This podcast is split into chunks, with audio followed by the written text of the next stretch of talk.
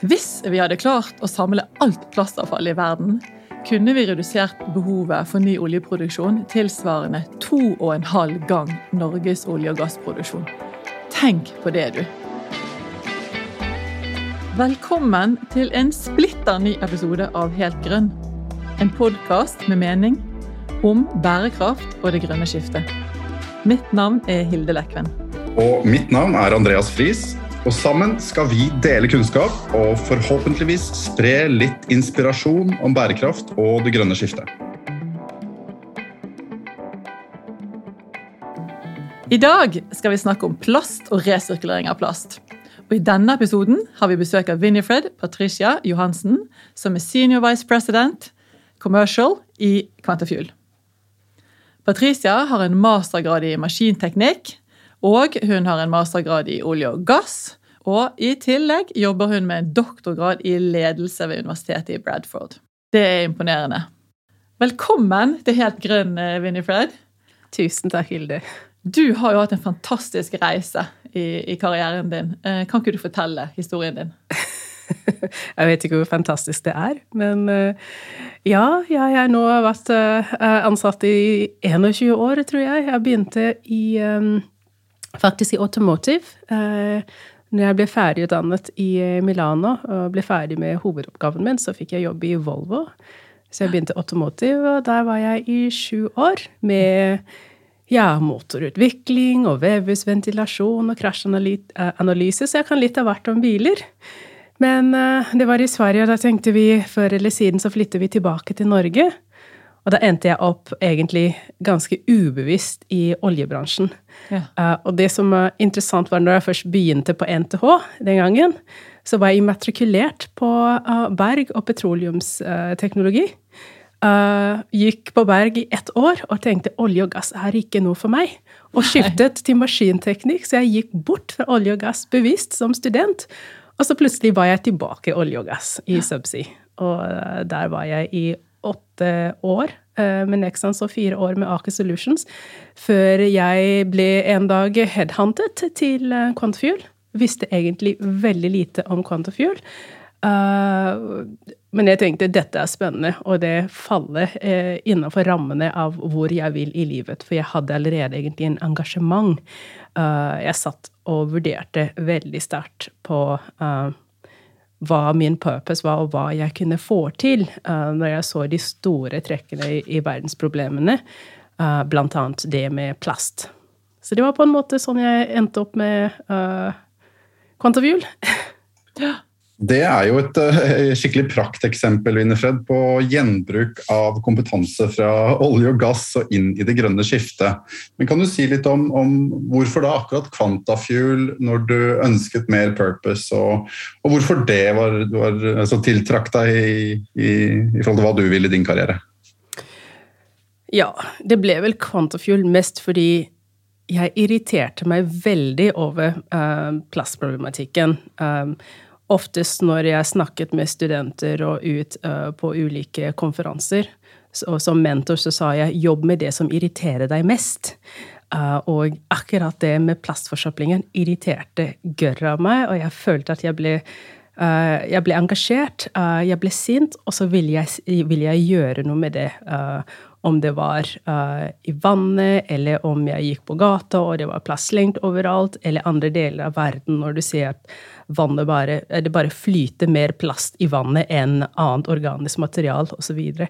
så det var, det var naturlig for meg å søke, eller å finne den klikken, den matchen med Quantafuel, at jøss, her vil vi gjøre noe med problematikken. Her må vi sette verdi på plastavfall, så at avfallet blir faktisk lønnsomt og brukende, og det blir en ressurs som kan tas tilbake i kretsen.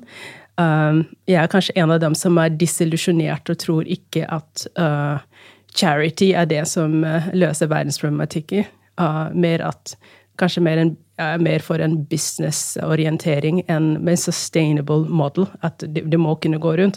Så modellen til Quantafuel passet i, i det jeg trodde på. Vi skal komme tilbake til Kvantafil, men um, jeg har lest en fantastisk historie om deg. når Du, var, du jobbet i Nexans og var på forretningsreise et sted i Afrika. Jeg husker ikke hvilket land. Angola. Angola. Og så tok du ei joggetur. Du må fortelle den historien.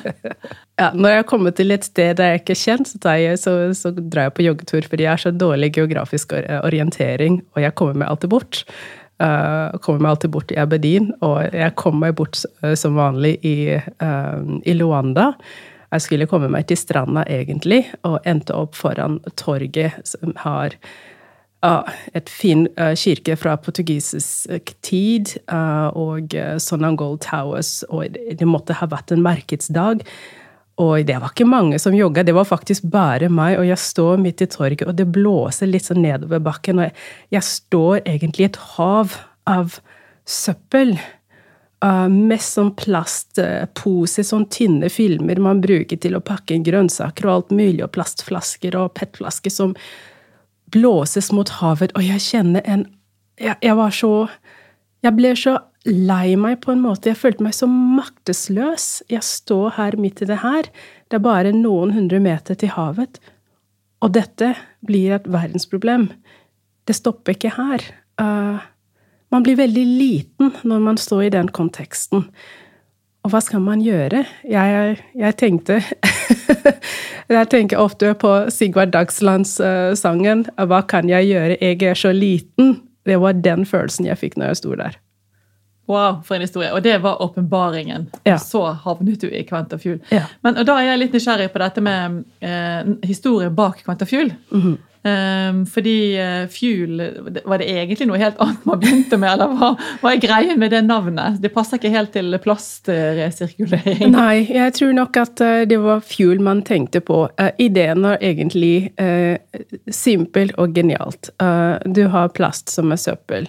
Hva skjer om du kan få verdien ut av plasten? Plast er egentlig, vi, på, på lett språk, hydrokarboner i lange staver.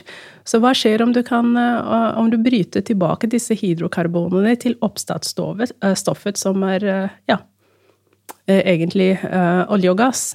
Kan du da bruke dem på nytt og bygge nye molekyler? Og det var det, var det hele bak det. Mm genialt og uh, simpel på papir, men kompleks uh, i virkeligheten. Og uh, er veldig, veldig happy med hva vi har fått til, og hvor langt vi har kommet i den prosessen. Så det var å ta den tankegangen, da. og igjen, det passer med mine verdier. Fordi når, når man så f.eks. på um, aluminiumsbeholdere når man begynte å resirkulere, når man hadde en pant, når man satte en verdi på det, så, var, så ble det ikke søppel flere steder i verden. Så ja, mm. Gå rundt i, på, på, på, mange steder. Du finner ikke uh, aluminiumsburker uh, som er Nei. slengt ut omkring, fordi det er verdi.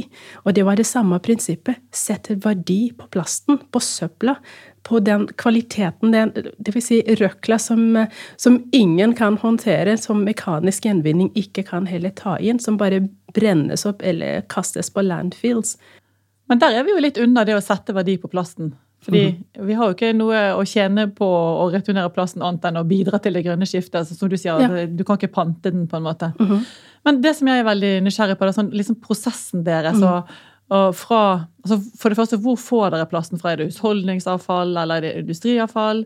Um, og liksom, hva er prosessen, og hva er forskjellen på prosessen deres og um, en mekanisk gjenvinningsprosess av, av plast? Ja, men jeg må bare fortelle at, at ja. Quantafuel driver også med mekanisk gjenvinning. Dere gjør det også, ja. ja. ja I mm. Kristiansund. Uh, og uh, tanken der er også å, å ta inn avfallet vi får, om det er uh, fra uh, lokale kommuner, som vi gjør i Danmark, det er liksom husholdsavfallet, mm. eller rester som, uh, som, kommer fra bedriftsprosesser som kan brukes til mekanisk resirkulering. Vi vil gjerne se på hele verdikjeden. Ja. Så det som går til kjemisk resirkulering, er på en måte den lavverdiplasten som ikke kan brukes til mekanisk resirkulering. Fordi plast er, det er et så stort problem kjemisk resirkulering er ikke en erstatning for mekanisk sirkulering. Det er ikke en komplementær løsning. Ja. Mm. Så at uh, man, som, som, i Kristiansund, vi tar tilbake uh, plast. Vi lager pellets uh, av plasten på mekanisk linje. I Skive så tar vi den kvaliteten som ikke kan brukes til mekanisk resirkulering, uh, og bruke pyrolyse. Der varmes uh, plasten uh, til høy temperatur uten oksygen, og prinsippet er å bryte tilbake disse lange molekylekjedene til monomers, så du kan bygge dem opp til de ønska lengdene. Og det er det som da påvirker er det tungolje, er det lettolje, eller er det gass som kommer ut. For det kommer ulike fraksjoner. Spennende. Jeg er veldig nysgjerrig på uh, Du sier litt, Winifred, et, et, et, veldig bra prinsipp her. altså Sette verdi på ting når du snakker om plast og når du snakker om egentlig sirkulærøkonomi. ikke sant? Og, yeah. og sirkulærøkonomi, der, der er jo prinsippet egentlig innenfor økonomisk virksomhet at ressursene forblir i økonomien lengst mulig.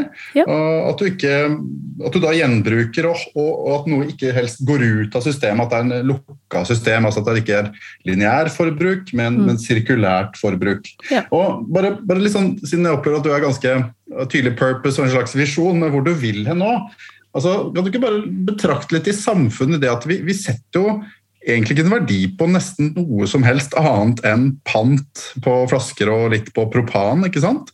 Men, men for å løse de store sirkulære utfordringene i verden, eh, det må sette en verdi på mye mer. Hva, hva, tenker du, Er det noe vi burde gjøre mye mer av, og som du ser Kantas som et, et, veldig godt foregangseksempel på? Absolutt. Uh, jeg, ser, um, jeg jobber frivillig på Fretex, f.eks. Og om vi ser på tekstil som uh, forbruksvarer, vi bruker mer og mer og mer og mer klær som vi kaster. Uh, og uh, levetiden av klær som vi har i klesskapet, er mye kortere nå enn det var for 20 år siden.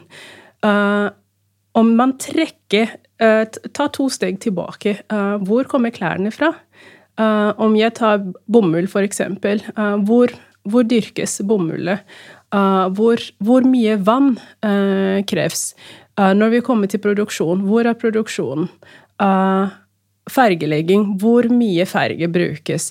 Uh, utslipp, hvor går disse utslippene? I hvilke elver, hvilke områder, osv. Så, videre. så det er ikke bare å bruke en T-skjorte og kaste det, men det er en hel prosess bak det. Og om jeg skal da stå og, og si at nei, jeg er miljøbevisst, jeg tenker sirkulær økonomi, men jeg har et klesforbruk som er helt vanvittig, uh, fordi det er bare klær. Det er et miljøproblematikk bak det. Det er en uh, Så hva skal vi gjøre? Skal vi pante klær, eller skal vi ha en resirkuleringsmekanisme for klær? Uh, ja, jeg har vært um, ad, circularity advisor i One Again Technology, som faktisk ser på det å kjemisk resirkulere klær, rett og slett. Kjemisk mm. resirkulering av tekstil. Og vi ser mer og mer også at at man bruker kjemisk reskulert plast uh, til å lage Eller også mekanisk til å lage klær, uh, blant annet. Så det er mange områder vi kan sette Vi kan begynne å se på resirkulering. vann, for eksempel.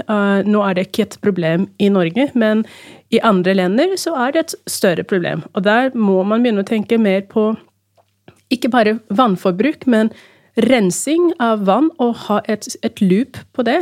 Uh, hvordan får vi det tilbake i systemet? Rense, um, desinfisere, redistribuere det som er uh, avløpsvann, uh, for eksempel. Um, vi ser også på mat.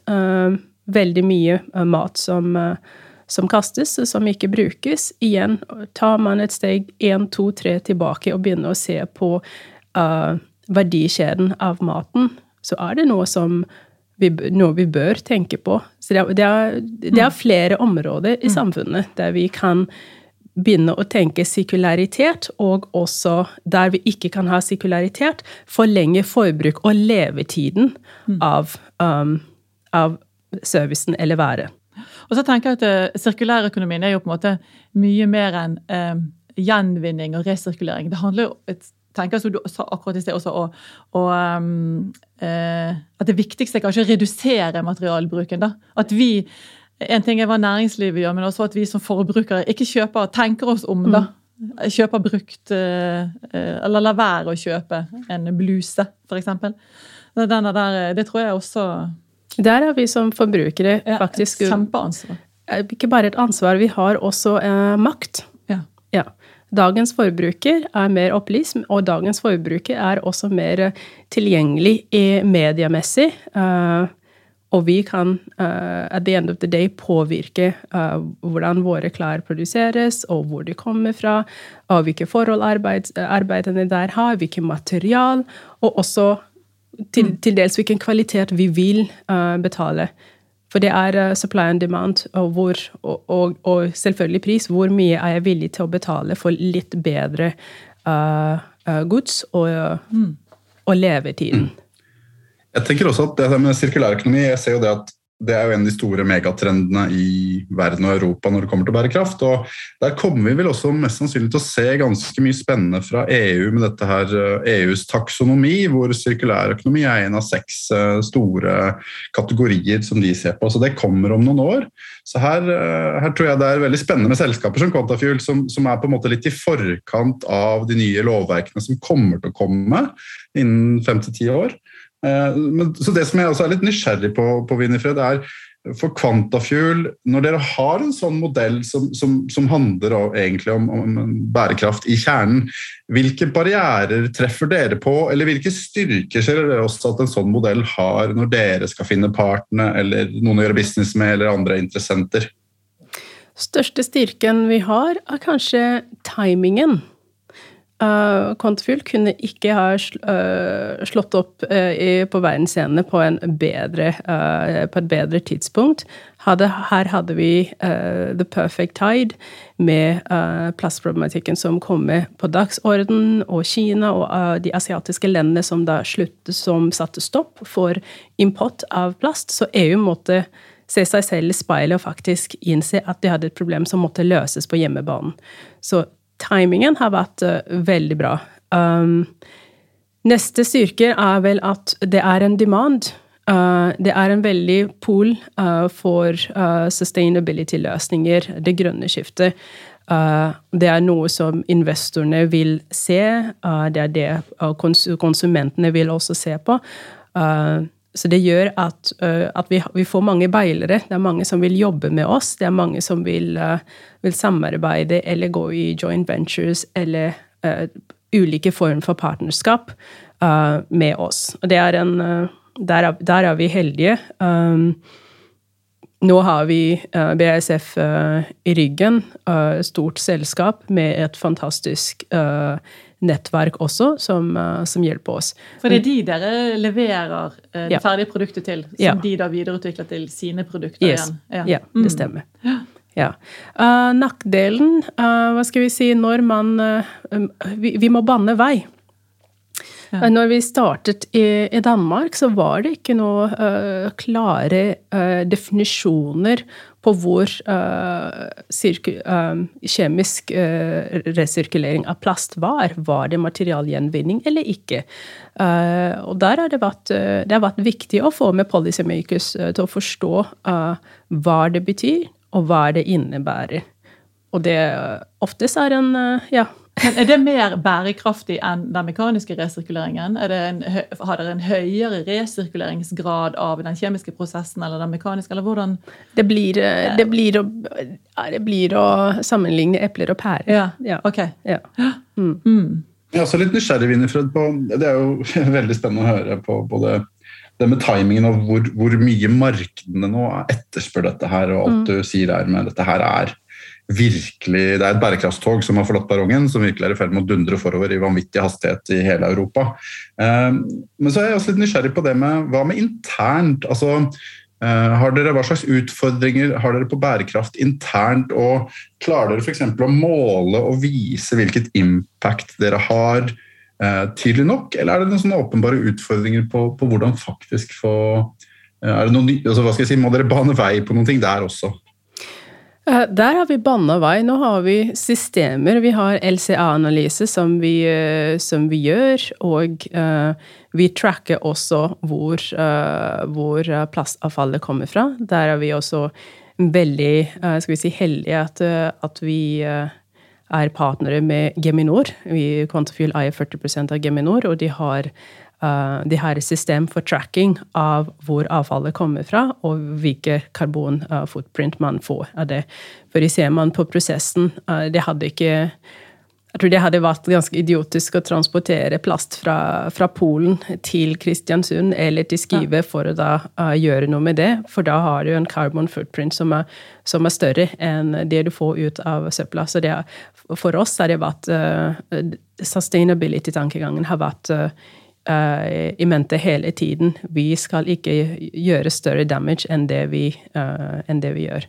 Så vi må tenke gjennom alle prosessene, og vi har en vi har veldig gode folk uh, på, akkurat på sustainability som, uh, som, hjelper oss med det, og som hjelper oss med uh, å se på taksonomi og LC-analyser osv. LC-analyse det er altså livssyklusanalyser for ja. de som ikke kjenner det begrepet. Men det er veldig, veldig spennende å høre, og spesielt også det her med altså Noe som man ofte ser i bærekraftige forretningsmodeller, er jo det med samarbeid langs hele verdikjeden. og Det viser jo du her at både nedstrøms og oppstrøms så er det, er det liksom, her er det felles interesser, felles samarbeid. og Det tror jeg kjennetegner mange, mange sånne typer selskaper. Da. Så Det var en liten kommentar her som jeg syns er veldig spennende å notere seg ned. Jeg, eh, og jeg er veldig spent på eh, liksom ambisjonene videre. Eh, fordi at eh, I forgårs kom det en børsmelding eh, fra dere om at dere hadde hatt en vellykket proof of concept på produksjonslinje nummer to på den eh, skivefabrikken i Danmark. Um, og, hva er planene fremover? For at hvor mange 20 000 tonn den fabrikken håndterer. men altså vi redder ikke verden med det. Hva er Nei. skaleringsplanene deres for, vi, for å liksom ta verdensherredømme på plast? Uh, vi, vi, har, vi, har, store ambisjoner ja. uh, framover. Og helt klart, uh, vi redder ikke verden når vi sitter, og, og sitter i skive. Det er andre steder i verden der det er større problemer og uh, færre muligheter å håndtere eh, plastsøpla enn det, det, Skandinavia faktisk eh, makter. Uh, vi er i prosess med å komme ut i verden. Vi har flere uh, MOUs på plass um, som, uh, ja, som, ikke er konfidensiell informasjon. Vi har en MOU og planer i Sunderland i UK. Uh, vi har en MOU uh, i MOU må du forklare litt om. Vi skal jo informere om det grønne skiftet! Memorandum of Understanding. Vi har nå ja, avtale ja. om å, mm. å, gå inn og, og, og bygge fabrikker på, disse, på, ulike steder. Vi har en lignende avtale med Dubai i Dubai nå.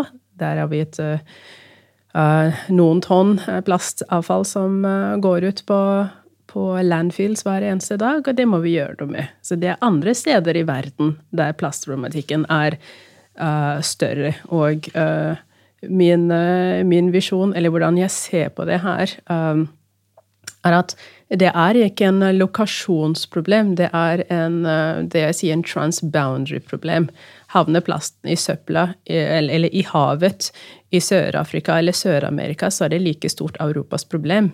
Ja. Sånn som det er Asias problem eller Australias problem. Vi har et hav. Og eh, det er viktig eh, for oss framover å komme til de stedene der vi faktisk ser størst nytte. Jeg har ikke troa på at vi skal ha en teknologi som er til pynt, som sitter pent i Skandinavia, men heller at det skal løse verdensproblemer. Mm. Mm. Fantastisk.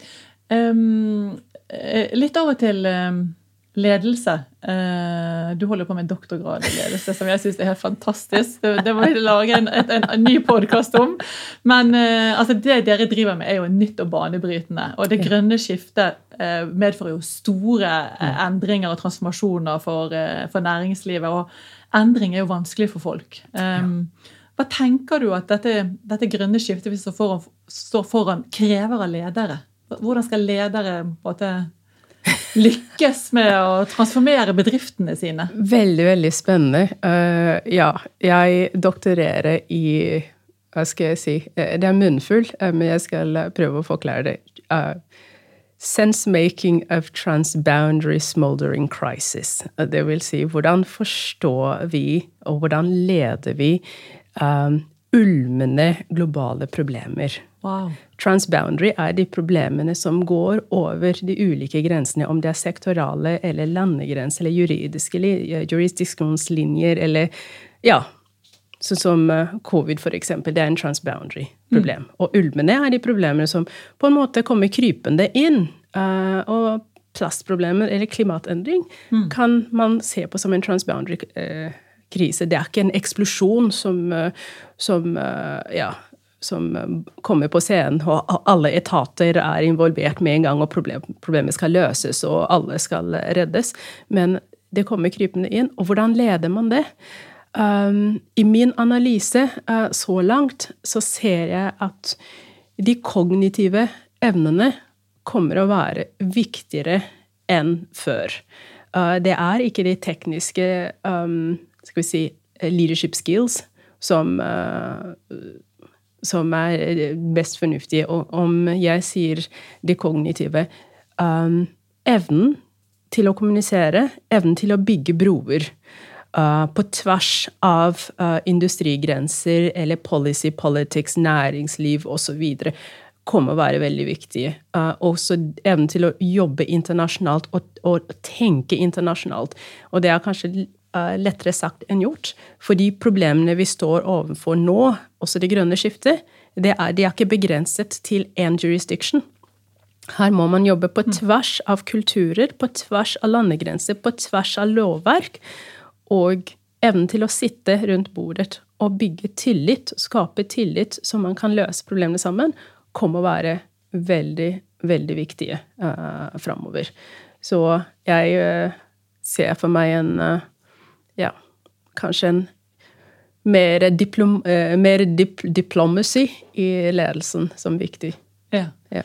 Men ja, hvor langt er du, når, når er du ferdig? Langt, når kan vi lese? og det, jo, det, går jo sikkert over litt tid, da, så du tar det ved siden håper, av jobb. Jeg håper jeg er ferdig i desember. Ja. ja. Nå har jeg holdt på i tre år. Oi, så spennende. Ja. Fantastisk. Jeg må få hoppe inn her. Dette her er uhyre spennende, Winifred, på, på liksom hele mindsettet som du fremmer her, eh, og også hva du jobber med. Det er jo helt tydelig at du er rett person på rett sted, også jobbmessig. Men og litt, litt, dette her måten å tenke systemisk på å løse problemer. Jeg tror liksom I bærekraftsfeltet så er det utrolig viktig med den type mindset på at vi må se at vi er en del av en større helhet, og, mm. og bidra virkelig til å gå til kjernen til ikke, ikke bare hva er hva er uh, symptomene, men hva er egentlig hovedårsakene til de problemene vi står overfor ja. innenfor bærekraft, og ta tak i de. Og litt av de tingene du sier her med, med, jobb med det som irriterer deg mest, og ta tak i der hvor det faktisk også finnes verdensproblemer. Hva kan uh, jeg gjøre, jeg som er så liten, som du sa, men Sigvard Dagsland? Synes det er veldig veldig inspirerende sitater som du også kommer her, som jeg tror lytterne våre absolutt kan ta med seg og bli inspirert av. Ja, men da nærmer vi oss slutten, og da har vi eh, et sånt avslutningsspørsmål da, som vi stiller til alle gjestene våre, som er litt personlig. Um, og det handler om hva er ditt personlige bidrag til det grønne skiftet? Hmm. Jeg har en, eh, en, liten plett i Uganda der jeg plantet trær. Og wow. jeg har plantet over 2000 trær da. Wow! uh, håper å plante ja, 150 år. Det er målet. Ja. ja. Kult. Det, ja, det var et overraskende svar. Det var veldig, veldig, veldig, veldig bra. Uh, ok, Andreas, bærekraftseksperten vår. Um, du, um, er, du fornøyd, er, du fornøyd, med svarene fra Winifred og, og Quentafuel? Jeg syns at uh, det blir veldig spennende å følge deg videre, Winnefred, og din, din reise. Jeg aner meg at du er en stemme som vi kommer til å skulle høre mye mer fra i framtida, som er veldig verdt å lytte til. Så jeg er veldig spent på, på nettopp det med både Quantafuel og, og, hvordan du kommer til å påvirke den systemisk uh, endringen til en mer bærekraftig verden i framtida. Det, det er store ord, men allikevel, jeg tror det er viktig at vi faktisk også snakker om det og, og jobber med å få til et stort impact. Så tusen takk for, for deling av masse spennende tanker. Og takk for invitasjonen. Takk for at jeg fikk være med. Bare hyggelig. Tusen takk for at du lyttet, og følg oss gjerne for nye episoder av Helt grønn. Ha det!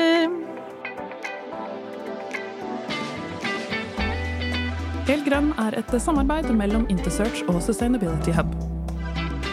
Er et ledende executive search-selskap med spesialområde innenfor rekruttering av ledere til bedrifter som trenger kompetanse innen bærekraft, energi og det grønne skiftet. SHub er et ledende kunnskapsnettverk for bærekraftig business. Med over 120 bedrifter som partnere setter SHub søkelys på strategisk og praktisk bærekraft med virksomheten i fokus, og tilbyr deltakelse i en rekke undernettverk.